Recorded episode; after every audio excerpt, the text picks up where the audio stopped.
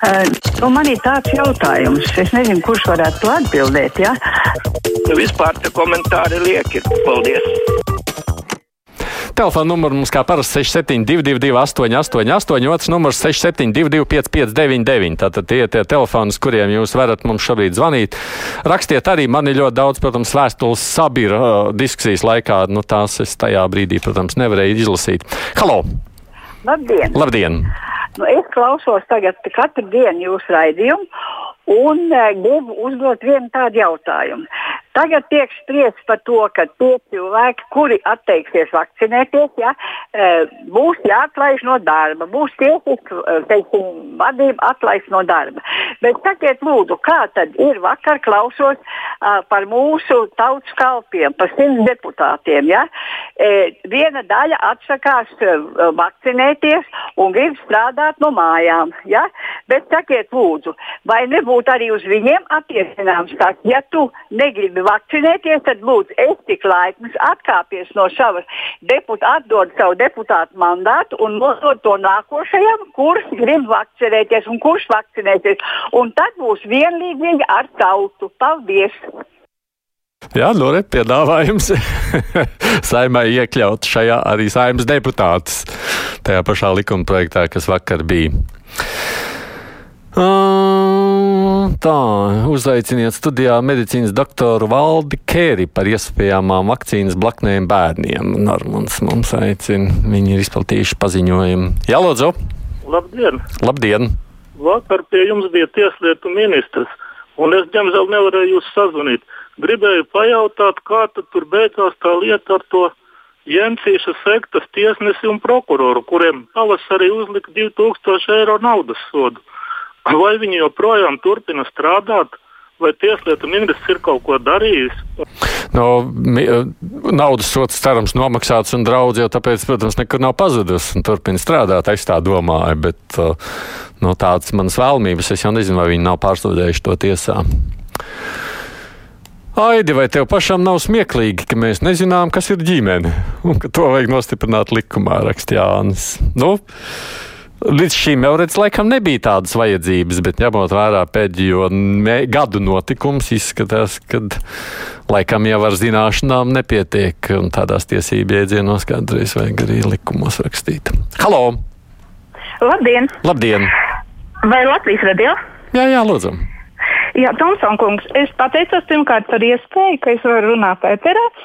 Bet noklausījos uh, iepriekšējo tēmu un runātājus, un man tāda sajūta bija, ka tas cēlonis tām vardarbībai ģimenē pret sievieti, pret bērnu ir tradicionāla ģimene. Pilnīgi tā izklausies, bet vai jūs zināt, ka man, man zināmajā lokā patiesībā ir, nu, viss ir ļoti labas ģimenes, bet tur, kur ir vardarbība, tas cēlonis ir alkoholisms.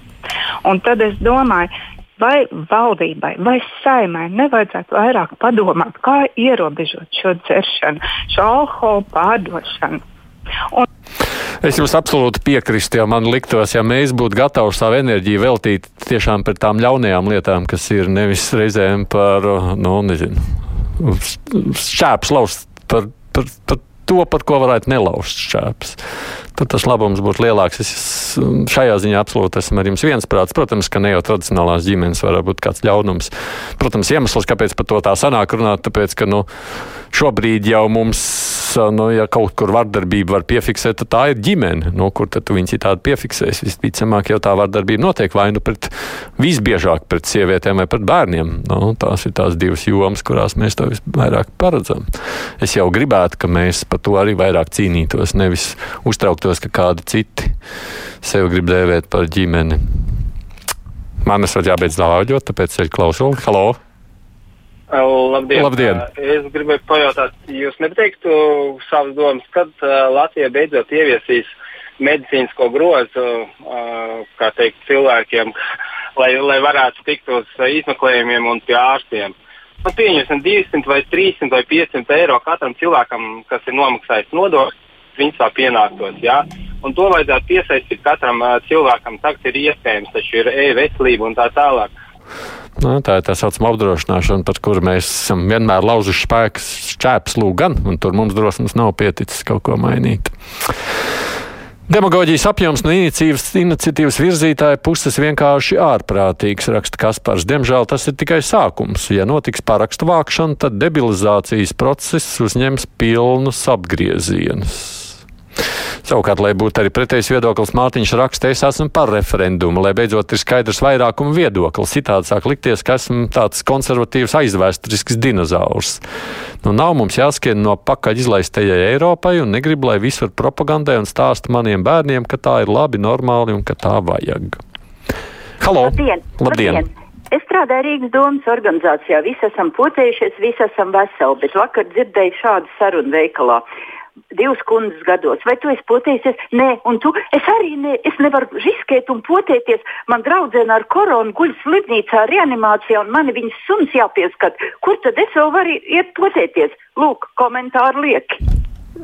Katram savu interesantu pieredzi. Gustavs raksta, kas tad mainīsies, ja iekļaus to ģimenes definīcijas atversmē. Nu, kas mainīsies? Mazināsies vardarbība ģimenēs, labāk rūpēsies par bērniem, vairāk maksās alimentus, kas tur mainīsies. Savukārt, Girts prasa, vai man komentāri par vakardienas gājienu pie ministra kabineta ar skaļiem saukļiem iespraudiet sev pakaļā. Tāda saukļa tur bija. Es, protams, redzēju to vakardienas gājienu. Es nezināju, ka tāds tiek organizēts. Es sīk nesakoju visām tām politiskajām aizklisēm tādā ziņā līdzi, bet uh, gājis es laikam nebūtu, jā. Bet, nu, es domāju, katram tiesības paust savu viedokli. Mūsu gadījumā, jo mēs neesam vienīgie līdzīgi protesta akcijas notiek, mēs redzējām Berlīnē simtiem aizturētām. Halo! Sveiks, Aidi! Sveiki! Jā, Andris no Rīgas. Jā, Andri. Vai jūs žurnālisti nevarēsiet ievest kaut kādu skaidrību par potēšanās efektivitāti? Bojārs mēģināja, bet tur tā nebija ritīgi, un viņš dabūja vēl pat cepuri. Nu, tad jau gan jātic skaitļiem tādi, kādi ir. Un man liekas, tajā brīdī, kad ir zinātniskie skaitļi, tur jau tā efektivitāte ir.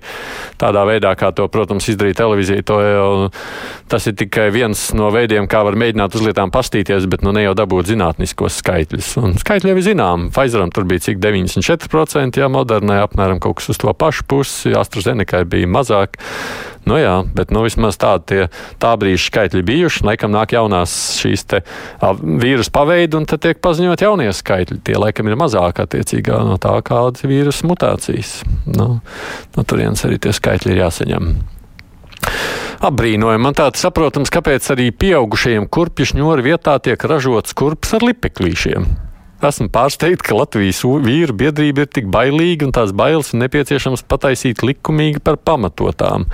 Es esmu par visām ģimenēm un par laimīgiem cilvēkiem, raksta Zane. Jā, lūdzu! Labdien! Labdien. À, es pilnīgi pretēji. Es gribu parunāt par blakņu efektivitāti. Jo man bija tā, ka man bija blaknes diezgan spēcīgi, bet es par to tikai priecājos. Jo tas man lika saprast, ka dzīvo vīrusu es nebūtu izšķirtījusi. Tas man patiešām būtu ietriecis kapā. Jā, nu man arī bija stiprs blaknes. Es nezinu, vai es to tā varētu secināt. Es, protams, tajā brīdī ne, ne pavisam nepriecājos un cerēju, ka tās ātri beigsies. Bet nu, tā viena diena ir pagrūta man bija. Bet man kolēģi kaut neko neiet. Visa šī jāsaka tikai tāpēc, ka cilvēki nesalaulājas, rakstīja Gauņa kungs piekāst nereģistrētās attiecības. Ja nevīši sareģistrēties, tad lai necīnās pa gultu un netaisa, nemīcās pa gultu un netaisa ģimeni. Savukārt demogrāfija neies uz augšu, kamēr valdības šķēdēs naudu loterijām, CO2 sensoriem un tam līdzīgi. Halo! Halo! Labdien! Ja, labdien. Es pie Baltkrievijas robežu. Ir tāds priekšlikums, pie mums jau varbūt neies cauri, bet lieti lietuvieši varētu piedāvāt to sētu, ko būvē. To jātaisa ar tādu līkumu uz iekšpusi, uz savu teritoriju, tādu futbola laukumu ierobežot. Robeža Baltkrievija vaļā, bet šeit tāds nav aploks. Un tos, ko viņi noķer, tos pārbēdzējus, tos vajag arestēt, nofotografēt, priekš nospiedumus varbūt un viņus laist vaļā. Bet viņas, redziet, Baltkrievi neņems pretī, ja būs uz robežas, kā viņi tagad taisās dzen, dzen atpakaļ un tie pretojas. Bet viņus savā teritorijā, tas jau būs Lietuvas pusē, ejiet brīvā Eiropā. Tur viņi Eiropā grib iet, Eiropā ešiet. Nā, jā, tā jau mēs redzējām to pašu stāstu attiecībā no Itālijas un citām valstīm, kur līdzīgi tāds bijis. Nu, nav jau tā, ka mēs varam ļaut jebkuram iet, kur jūs gribat, tāpēc jau tā tas nenotiek šajā pasaulē. Es teiktu, ka katram, kurš negrib vakcinēties, vajag dot tiesības parakstīties, ka viņš ir ar mieru netikt ārstēts lai beidzot es varu tikt uz slimnīcu, veikt sev nepieciešamos izmeklējumus un operācijas. Paraksties, dabū covid, notestējies pozitīvs, arī nekur paraksts brauc mājās un smots. Mātiņš piedāvā necilvēcisku risinājumu. Halo! Labdien! Labdien! Man vispirms jālūdz jums atdošana, kas vakar tos robežu ķērsotājus nosauc par bēgļiem. Tas laikam nebija pareizi.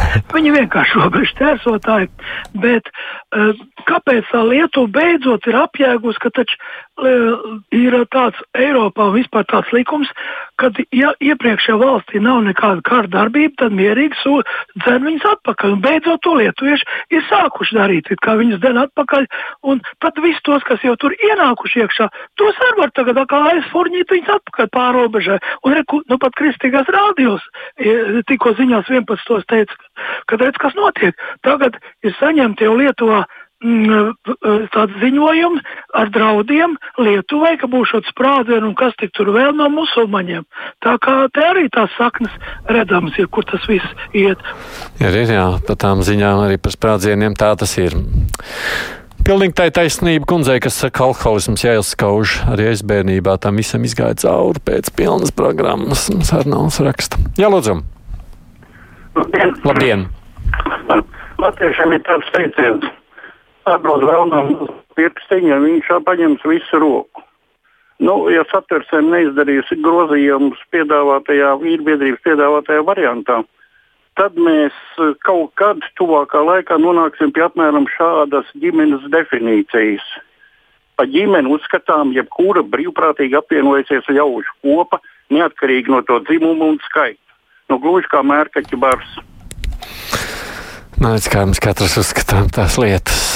Rīt kolēģi runāsim ar kolēģiem nu, par to situāciju, kāda šajā nedēļā ir bijusi. Piektdienā žurnālisti komentē notikumus, droši vien par Baltkrieviju arī runāsim, un arī par citām lietām, atceltā vakcinācijas loteriju un citām lietām. Bet es jau pieminēšu divas puslodus šodien raidījums. Mēs tiekamies pēc stundas radio etrā. Par Covid daudz Latvijā esam runājuši, bet kā šo procesu uztvērt citviet pasaulē, mēs mazliet paceļosim pēc trijiem pa pasauli, tāds kā kaleidoskops, kas notiek ar vakcināciju dažādās citās pasaules valstīs. Tā kā klausieties arī divas puslodžas šodien radio. Evi Jonām ir krustpunktā producents studijā Aits Tomsons. Fakti, viedokļi, idejas. Raidījums Krustpunktā ar izpratni par būtisko.